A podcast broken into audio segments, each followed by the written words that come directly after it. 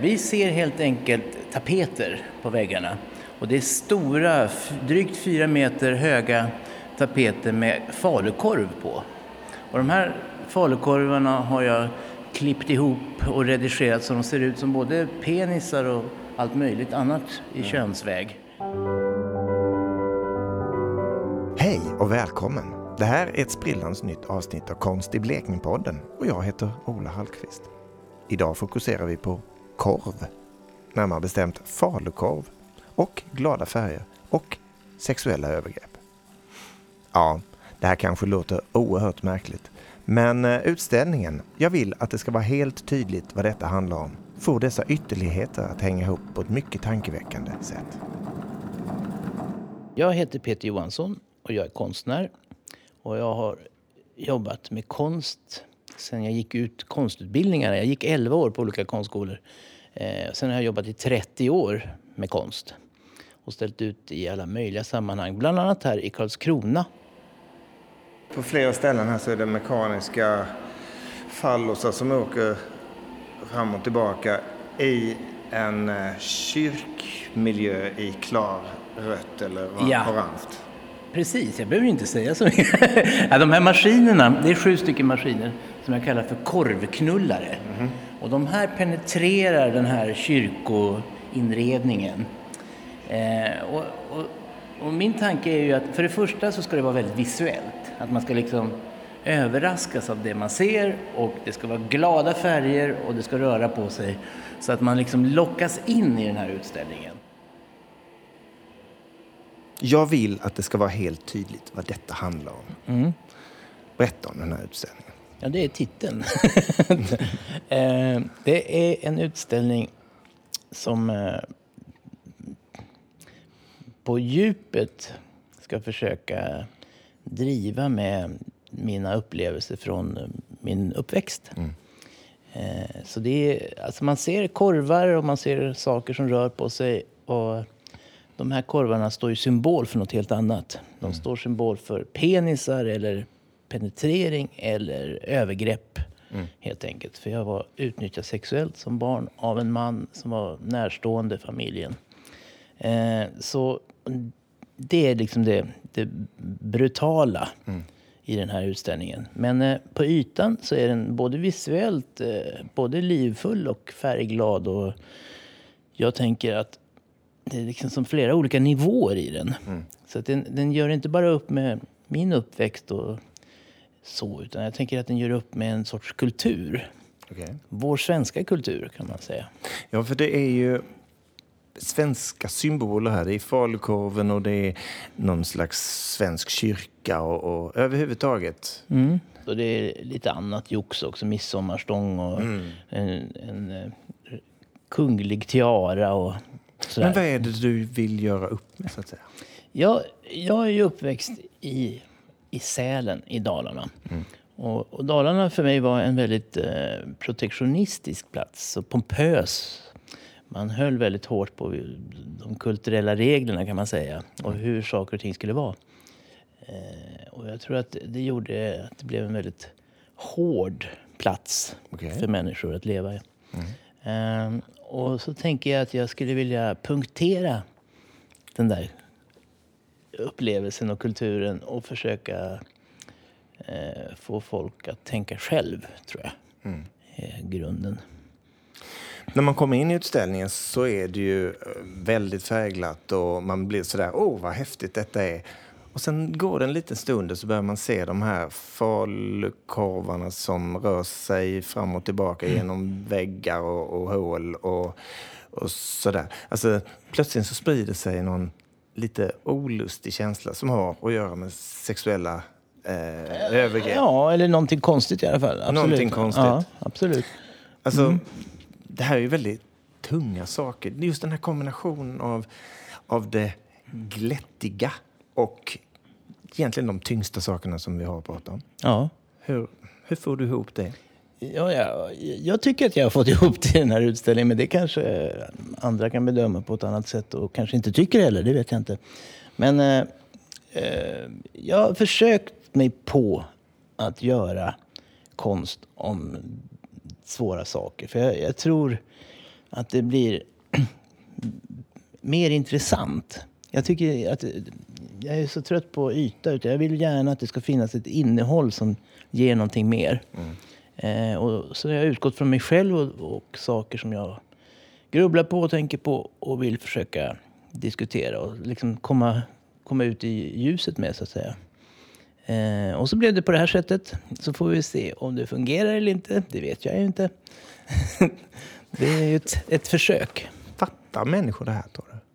Jag, jag tycker att det ska finnas olika nivåer i eh, alltså, en upplevelse. Om det då är en film, eller om det är konst, eller om det är teater eller om det är musik eller vad det kan vara. Olika förståndsnivåer eller olika ingångar. Jag, jag tycker att man ska kunna gå in i en utställning utan att veta någonting om den och inte kunna något om konst mm. och ändå få ut någonting. Det är liksom grunden. Sen så bygger jag på med olika nivåer kan man säga. Så det finns ju, det är ju faktiskt en konstutställning så det finns ju nivåer av referenser till andra konstnärer och jag har liksom vävt in både liksom mönster och olika detaljer som de som är konstintresserade känner igen från andra mm. konstverk till exempel. Men så finns det också den här djupare nivån, den här allvarliga nivån. Och den tror jag faktiskt man kan ana sig till. Mm. Och här har vi, här har vi ett litet rum. Ja, det här är en, en eh, skulptur som heter Pedofilstång. Ja. Och den är ju det är då... Ett, det är ett eh, kors i stålrör och så är det två, två falukorvar som hänger ungefär som på en midsommarstång. Precis. Mm. Det är det det är. Det är en gigantisk penis mm. med korv. Och här på botten av det hela, nere i träsket, så, så är det en sorts ansamling av bilder från min uppväxt. Min mor och jag och korv. Mm. Så man kan då fundera på hur livet var. Mm. Mycket alltså, korv. När man, när, när man hör dig berätta om detta nu eh, så tänker jag så här. Den som lyssnar på detta, hur ska hen överhuvudtaget kunna förstå någonting? Det låter ju helt förryckt. Nej, jag, jag, jag, jag är man helt lössläppt. Det är ju för att de ska komma hit. Man måste ju komma hit ja, och uppleva det. Ja, ska ju verkligen försöka få folk att bli intresserade helt enkelt. Att göra upp var du inne på innan. Mm. Hur gör man upp? Ja, det finns ju olika metoder där faktiskt. Eh, det finns ju de som går i terapi, det finns de som skriver, det finns de som eh, ja, gör det på ett helt annat radikalt sätt och spränger saker eller skjuter sig ut det hela. Eller, eh, jag har valt att göra det med hjälp av konst. Mm. Vad händer med dig när du gör den här typen av, av konstverk? Ja, för mig har det varit väldigt eh, befriande, tycker jag. jag är liksom som att eh, eh, någonting som har sjunkit undan och försvunnit i och med att jag har försökt... Jag har ju skrivit och liksom klurat lite på det här i många år nu och gjort några utställningar mm. om ämnet. Och det är inte första gången du använder korv? Nej, eh, den har funnits med. Mm. För jag tycker den, för den första är den ju en otroligt komisk figur, mm. korven.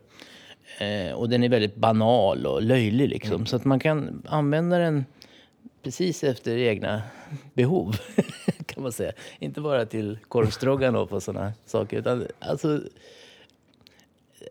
det är det som är lite poängen. Ja. Att, att, det är så fruktansvärt banalt. Mm. Och att det ändå finns där i, i verkligheten. Både korven och övergrepp och allt möjligt. Ja. Och det, konsten finns faktiskt där i verkligheten också. Mm. Det är märkligt, men så är det. Det här att du har byggt upp en miljö som också, alltså med, med korvtapeter, men där är då en, det är ju som en, träda in i en kyrka. Ja. Fast den är i dalarött, dalahästrött. Ja, men alltså kyrkor, om man tittar längre tillbaka i tiden, var ju ofta dekorerade väldigt mycket. Mm. Så det beror ju på i, vilken period om man tittar på. Men eh, kyrkor kunde faktiskt se ut så här. Alltså dekorerade till nästan vansinnets gräns. Mm. Och, och går man till Polen eller till kanske eh, Italien och tittar på vissa kyrkor så var de så dekorerade så att det var, det var liksom mer hysteriskt än vad det här är. Mm. Så, så det har funnits förr. Mm. Det är bara att nu är det 2000-tal och vi har lite andra frågor att ta itu med bara. Det här med att ha en utställning ute i ett industriområde. Vi är ju längst ute i Torskors i Karlskrona. Mm. Där man, när man tittar ut så är det bara fabrikslokaler och eh, industrier. Ja. Hur, hur känns det? Det är väl jättespännande. Jag, jag, jag, ska, jag är otroligt nyfiken på hur mycket folk som kan hitta hit. Men så tänker jag å andra sidan, Karlskrona ligger ju liksom avsides. Man måste ju av motorvägen och köra in till Karlskrona. Eh, och kör de fel så kan de ju faktiskt hamna här. så vi kan ju ha tur. Ska vi gå upp? ja, visst. På golvet ligger en massa elkontakter här också. Ja, lite kladdigt eh, vit smörja. Ja. Vad kan det vara? Ja, det, det ska man nog ta och grubbla på. Det är inte som att de egentligen sitter ihop heller, de här elsladdarna. Utan det finns liksom ingen... Det är lite glappkontakt, kan man säga. Du lyssnar på Konst i Blekinge-podden. Idag möter vi konstnären Peter Johansson som just nu lägger sista handen på utställningen Jag vill att det ska vara helt tydligt vad detta handlar om som visas i Karlskrona hela sommaren 2019. Du, Peter, det här med att, att vara konstnär. Vad är det som driver dig? Var kommer det ifrån? Ja... ja, det är en bra fråga. Jag vet faktiskt inte. Jag, jag tror eh, att jag inte kan något annat. det, är liksom, det är någon Men sorts hur- blandning av det här att man har målat in sig i ett hörn. och att eh, har man en gång börjat så börjar det liksom plötsligt komma idéer och bilder och tankar som eh, man vill se gjorda i verkligheten. Det är som att man är någon sorts uppfinnare eller idégivare, vad man ska kalla det för. Men om vi går tillbaka där du sa, har man väl börjat? Hur började det? Eh, för mig började det med att jag bodde i Dalarna, som jag sa innan, och att det var vansinnigt trist. Så jag började fantisera väldigt mycket om helt andra saker. Ehm, och på den tiden var det ju seriernas värld. Att jag var väldigt intresserad av serietidningar och vad som fanns i dem. Eh, och började fantisera ihop egna sådana serier och historier och sådana saker. Och sen eh, kom jag väl vidare till skolor där jag liksom hittade gelikar och man började prata om allt från musik och sådär. Jag, spelade musik också. Eh, sen plötsligt liksom var det ett val där efter gymnasiet. Vad ska man göra? Vart vill man gå vidare på något sätt? Ja. Och då tänkte jag att jag skulle prova. Jag skulle bli bildare, hade jag tänkt. Eh, Jag hade ju ingen tanke på det här med konstnär, för jag visste inte ens vad det var, ärligt talat. Utan jag tänkte att jag skulle vilja jobba med saker med handen och med andra, med barn. Eh, Och göra saker. Så då gick jag något då på Konstfack, på bildarutbildningen där. Och då började jag inse att det var så roligt att göra sakerna själv. Så det kom sent. Sen plötsligt så hamnade jag på konstskolor och ja, då gick vidare. Så jag hade ingen tanke på det här med konst. Liksom. Idégivare och uppfinnare, sa du innan. Ja, Ja, berätta. no, men att... eh, Ja, det, det man gör...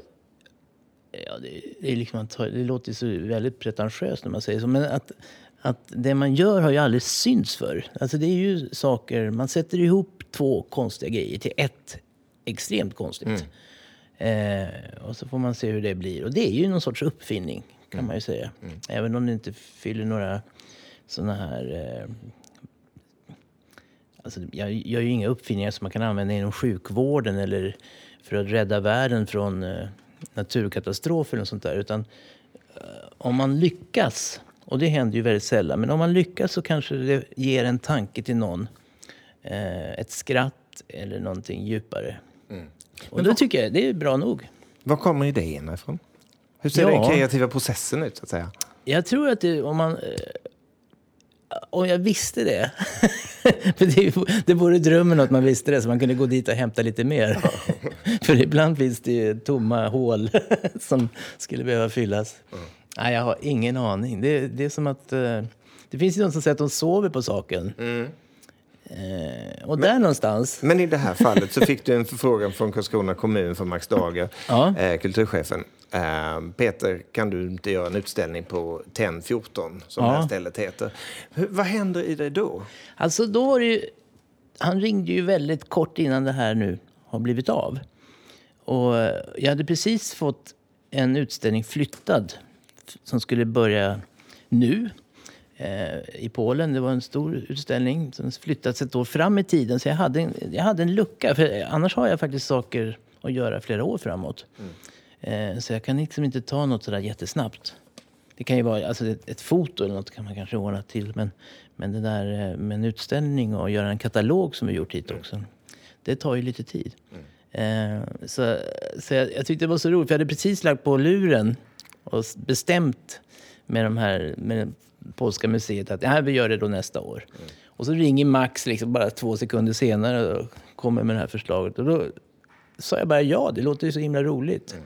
Och han, han, var så visionär. han har också idéer och uppfinningar. Mm. Um, så han eh, hade hittat på det här att det skulle vara mitt i ett industriområde det, det är häftigt. Och, och, här kan man ju bli lite förvirrad nu när, man har, när vi har pratat en stund. Du, du pratar om de tyngsta, svåraste sakerna. Och så säger du i en annan så här, bara för att det är så roligt. Ja. Alltså, det, är, det är lite svårt att förstå. ja, ja, det tycker jag nästan jag har svårt för själv ibland. det, det, finns ju flera nivåer som jag var inne på innan. Att, att uh, jag, jag, det är ju precis som världen i stort. Det finns ju hela tiden så många olika infallsvinklar och, och sätt att se på saken. Visst, man kan gå ner så och bli verkligen deprimerad över saker och ting i världen. Mm. Eh, men man kan också använda humorn för att försöka förändra sitt sätt att se på det och faktiskt försöka ta sig ur saker med någon sorts stolthet och glädje. Eh, även de värsta saker. Och här, en halvtrappa upp, så har vi någonting annat. Ja, det, det är en korv. allt är korv. Allt är korv. Hela världen bygger på detta. Vi pratar med Peter Johansson, konstnären. 2005 så gjorde du ett verk i Karlskrona som blev både hyllat och mindre uppskattat. Högst uppe på Stakholmen, mitt i stan, kunde Karlskronaborna plötsligt se en stuga i väldigt stark röd färg. Verket hette Får jag lov? och det var ett hus som det blev ganska mycket debatt om. Hur minns du det här? Eh, alltså, jag tyckte det var så himla kul att få göra den här ön. För man tog ju på något sätt över hela den här mm. Och den stod så himla fint så att så många kunde se den. Det var ju jättespännande på alla möjliga sätt. Och det blev ju, för mig blev det som en bild av Sverige. Mm. Den röda stugan på den lilla, lilla ön. Som man ibland kan tycka att Sverige är också. En sorts skyddad värld i en stor bildare. ja, så, så jag, var, jag var väldigt nöjd med tanken och väldigt glad över att vi lyckades baxa ut de här byggelementen till det här huset. För det var ju bara på en liten, liten gångbro som vi skulle få ut allting dit. Så, och det gick jättebra. Det var väldigt kul alltihop. Eh, sen så blev det ju den här stora debatten mm. om stugan. Och, och, det är ju det som är lite... Alltså om ingen pratar om det och ingen bryr sig då har man väl liksom misslyckats på något sätt. För man vill ju ha en reaktion på det man gör. Ja, men är det viktigt att uppröra eller beröra? Nej, inte att uppröra, beröra, men att... Beröra? Ja, och skapa någon sorts samtal. Mm. Där man tycker bu eller bä och skrattar och gråter och allt får vara med liksom, på något sätt. Det, det kan jag verkligen uppskatta. Mm. Eh, sen så kanske det finns en sån där egoism också, att det är väldigt kul om man har lyckats få folk att komma. Ja. Det blir jag väldigt glad över. Eh, och då, kommer man in på det där att jag så gärna vill att saker ska ha något innehåll, att det är mm. viktigt. att det finns någonting där bakom. Um, ja, det är faktiskt, när jag tänker på det, en av, ett av de starkare konstminnen som jag har. När jag plötsligen såg den där och tänkte, vad fan är det för någonting? Ja. och sen någon vecka eller några veckor sedan, eh, senare gick dit med familjen och, och, tittade på detta och blev, ja, men det här är ju häftigt. Alltså, och det spelades ABBA-musik inne ja. i den och, och, och sådär. Alltså, på något sätt så, så var det här någonting som berörde. Eh, fast på ärlighetens namn så kan jag säga att jag kanske inte riktigt fattade. Är Nej, det men, viktigt att fatta? Nej. Alltså,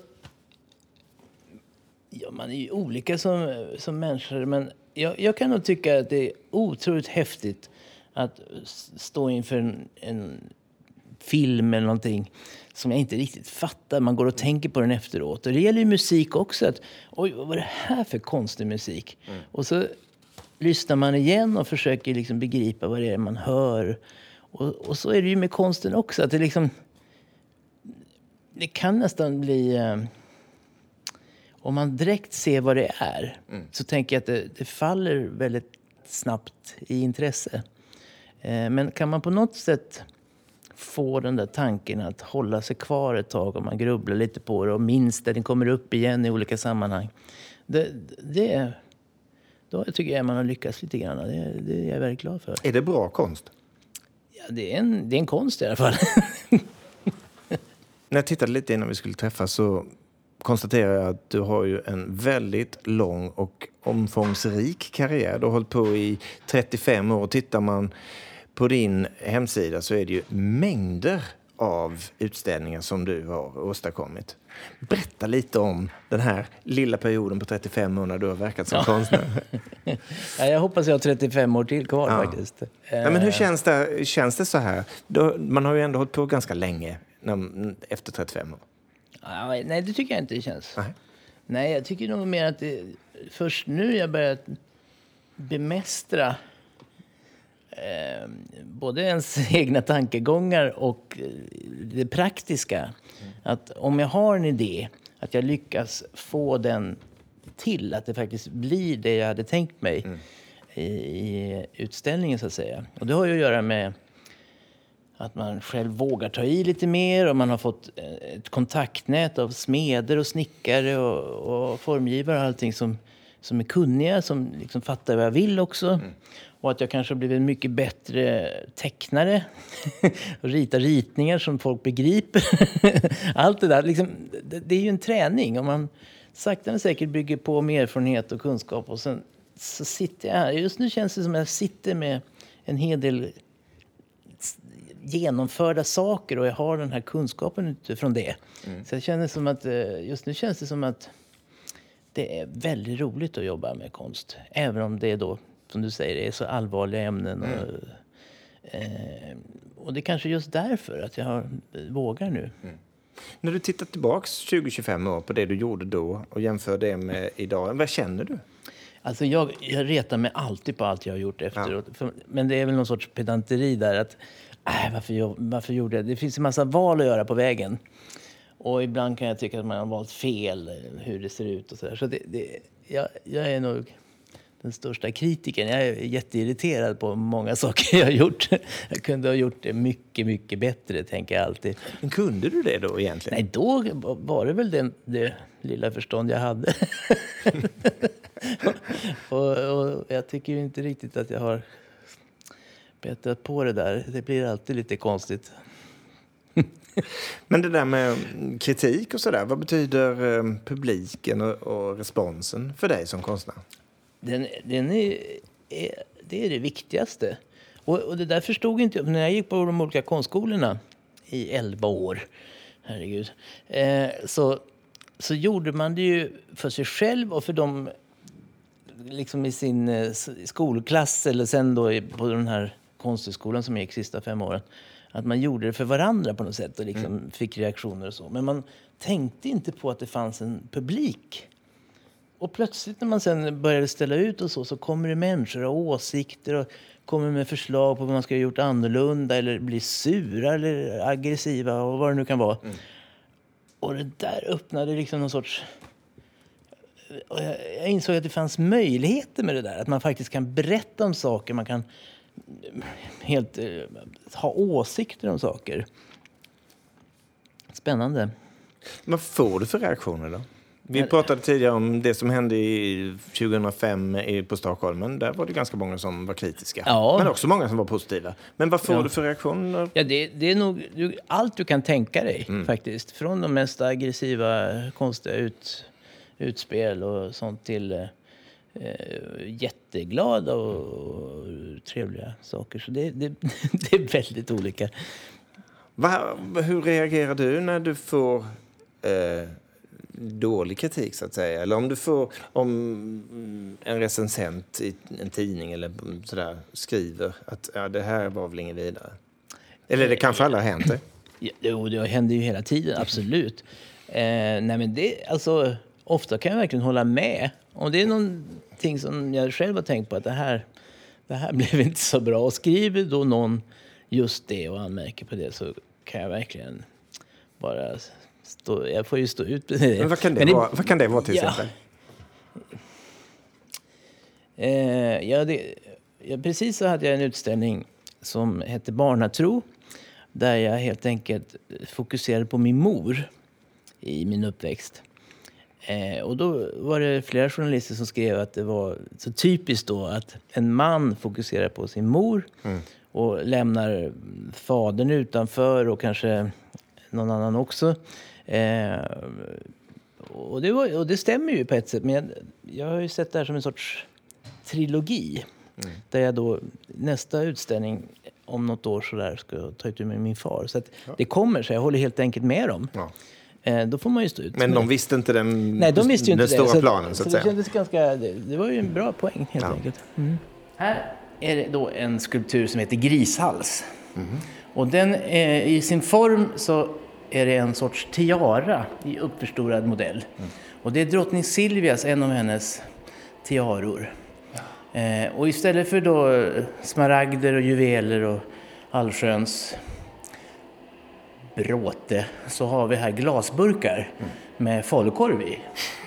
Helt enkelt. Det är falukorv som ja, ligger Ja, det är äkta falukorv. Inlagd falukorv? Ja. ja. Och sen har de då två prickar i sig så de ser ut som gristrynen de här. Ja. Och det gör ju det mycket, mycket komiskt, ja. tycker jag. Ja. det här med konst, vad är det för någonting egentligen och vad har vi den till? Ja, alltså ordet konst komplicerar saker ganska ofta. Utan eh, eh, idag så finns det också ett sätt att använda ordet konst. Mm. För att som i vardagen när man ser någonting som man inte riktigt förstår. Mm. Något bröte om någonting eller det satts upp någon konstig affisch som ingen förstår. Så ja, det är väl konst, säger man. Mm. På ett ganska så här, nästan melankoliskt sätt kan man kalla det. Eh, så då, ty då, tycker jag nästan att det här ordet konst har blivit komplicerat. Mm. Då skulle jag nästan vilja säga att det, att det är en novell eller att det är men, något men helt när, annat faktiskt. När, när, så man slipper den här, den här mängden av uh, åsikter som finns kring ordet konst. Ja, men om du får definiera, vad är det för någonting? Um, Alltså det är precis som musik, att det är någonting som ska gå direkt in i hjärtat. Mm. Utan att passera för mycket hjärna. Det får sen gå upp i hjärnan och man kan liksom ha andra tankar. Men jag, min dröm är att den som tittar på en utställning av mig ska liksom, den ska liksom slås mm. i, i mage och hjärta och överallt innan man börjar tänka. Mm. Det tror jag musiken är bra på. Jag tror film ibland också kan lyckas med det där, att det liksom går direkt in i, i kroppen. Liksom. När du skapar konst, tänker du på att nu ska jag göra en sån här för att den går rakt in i hjärtat på människor? Nej, men, men det finns ju det där att eh, man eh, bygger upp en sorts eh, känsla eller en, en upplevelse med olika element. Så, så i bakhuvudet finns det nog där. Mm. Fast jag tänker inte så där strategiskt utan jag tänker nog mer hur, hur jag själv skulle vilja se en utställning kanske.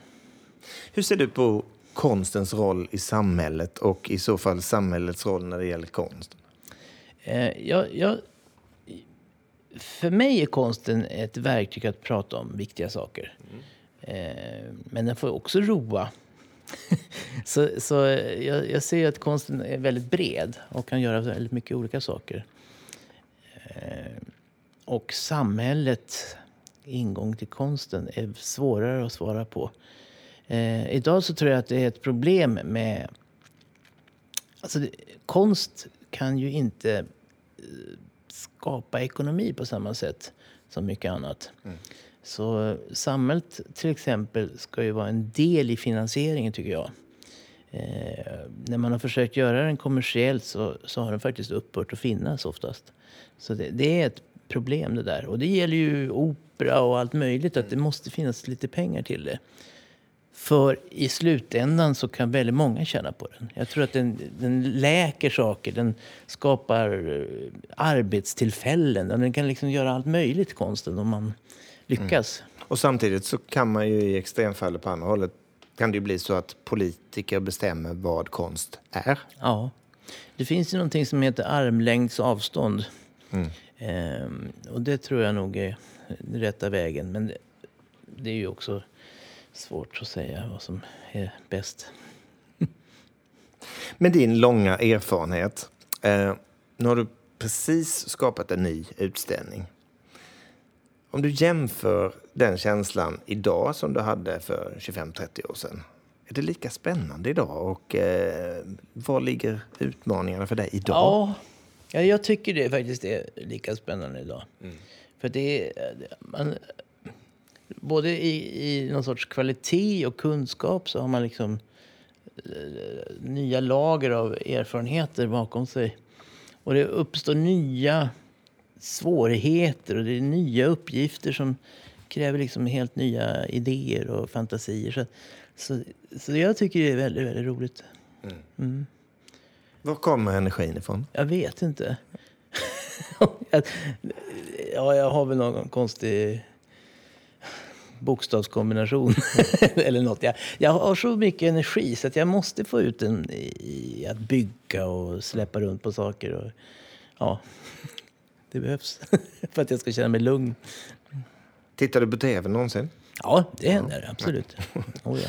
mm. eh, Peter, din utställning visas här på Temvägen 14 i Karlskrona hela sommaren 2019. Varför tycker du att människor ska ta sig hit och uppleva din konst? Eh, jag tror att det är någonting utöver vardagslivet. Det är som att gå och lyssna på en konsert eller att gå på teater eller på fotboll eller någonting. Att, att man får någonting mer med sig som man kan grubbla över när man står och jobbar sen med vardagsjobbet. Mm. Är det något mer som du tycker att vi borde prata om i det här sammanhanget? Eh, ja, Svår fråga. Nej, men någonting som, helst. Som, ja. Världsläget, naturen. det finns många saker. Mm, det gör det. Jag tror ändå att det här får bli eh, sista ordet i dagens avsnitt av Konst Blekinge-podden. Fler avsnitt hittar du på konstiblekinge.se. Tack Peter för ett fint samtal. Ja, tack.